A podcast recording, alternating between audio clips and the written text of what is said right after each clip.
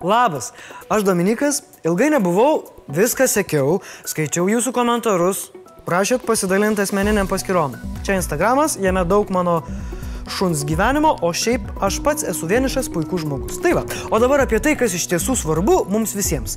Šiandien tiek žinių apie vis nepabėgantį koronavirusą, bet nuo jo bėgantį užsikrėtusįjį, kaistančią įtampą tarp valstiečių ir Landsbergių, toliau su pasiekmėm kovojantį registrų centrą ir kuo mūsų laisvė svarbi Liepos 23.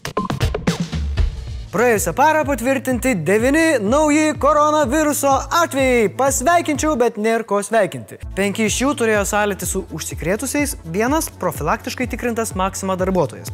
Įvežtiniai atvejai trys. Du atkeliavo iš Švedijos, vienas iš Anglijos. Vis dėlto sveikatos apsaugos ministerija perspėjo, kad naujų atvejų gali būti ir daugiau, bet dėl E sveikatos sutrikimo jie nebuvo užregistruoti. Blogos naujienos tiems, kas turit bilietus į Saulėtą Ispaniją. Didėjant susirgymų skaičiui, šią šalį jau penktadienį svarstoma įtraukti į paveiktų valstybių sąrašą. Todėl grįžus teks dvi savaitės savizoliuotis.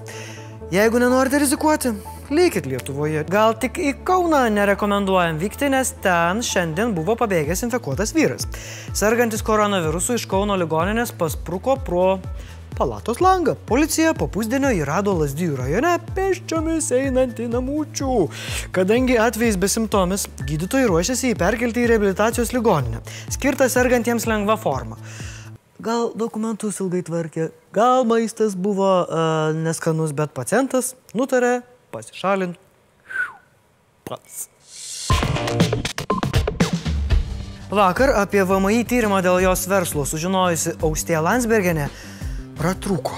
Ji viešai patikino, kad sklypo už eurą niekada neturėjo, o žemę mokyklos statybai įsigijo su paskola ir dabar turi 20 milijonų finansinių įsipareigojimų. Nepelnu.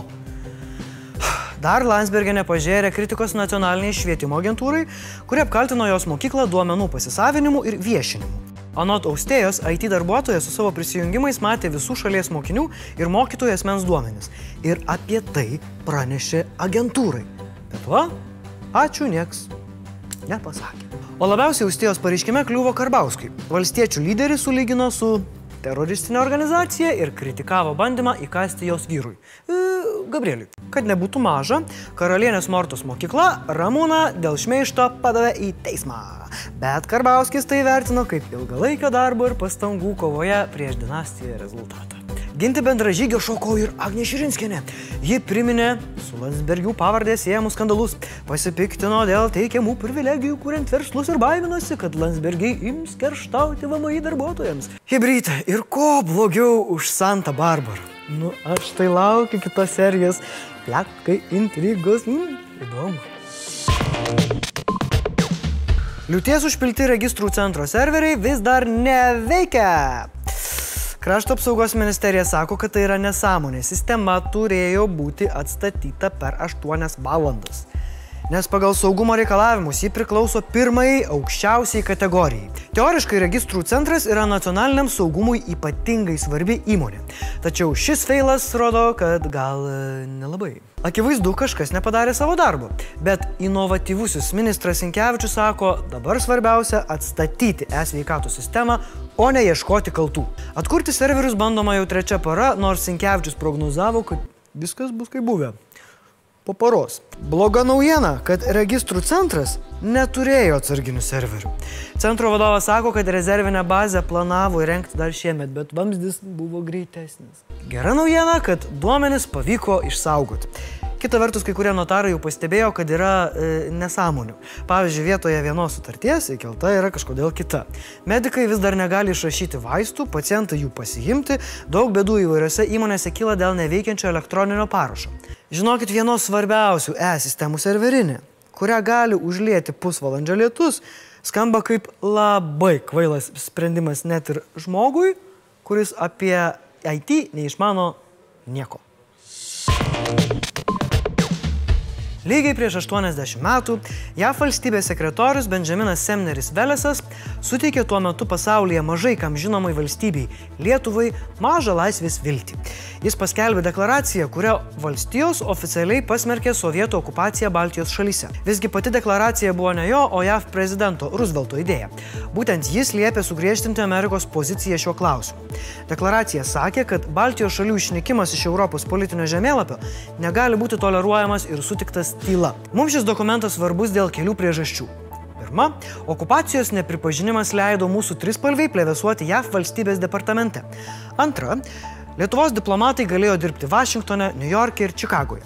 Trečia, JAV pavyzdys įkvėpė kitas šalis irgi nepripažinti mūsų okupacijos. Na ir ketvirta, šiandien iš Sovietų Sąjungos liko tik surūdyjęs vediniai Radviliškio rajone. Taigi Lietuva dar nuo 40-ųjų yra maža Amerikos draugelė. O šiandien tai dar kartą įtvirtinta, kai JAV sekretorius Maikas Pompeo kartu su Baltijos šalimis pasmerkė Rusijos bandymus pateisinti okupaciją. Ačiū tau, Amerika! Jeigu pažįstate JAV gyvenančių lietuvių, užtaginkite juos komentaruose. Tegul žino šią nuostabią istoriją ir šalių draugystę. O dabar fokusas. Blitz naujienos. Skandalingai ištrinto vyriausybės garso įrašo byloje teismas įrodė, kad ministrų kabinetas pažeidė žurnalistų teisės. Deja, sužinoti, ką ministrai 18 spalio pasitarime kalbėjo apie žurnalistams teikiamus registrų centrų duomenis, nepavyks.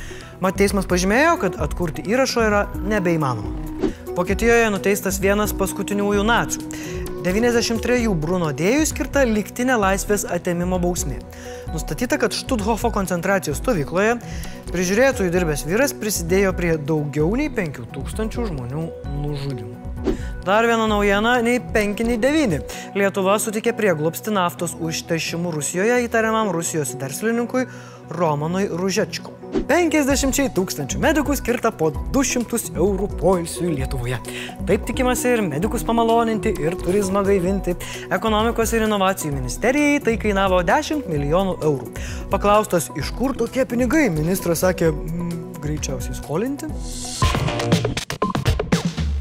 Šiandien 50 jubiliejų švenčia mūsų mylimas premjeras Saulis Kvernelis ir mes jam skiriame šį sveikinimą.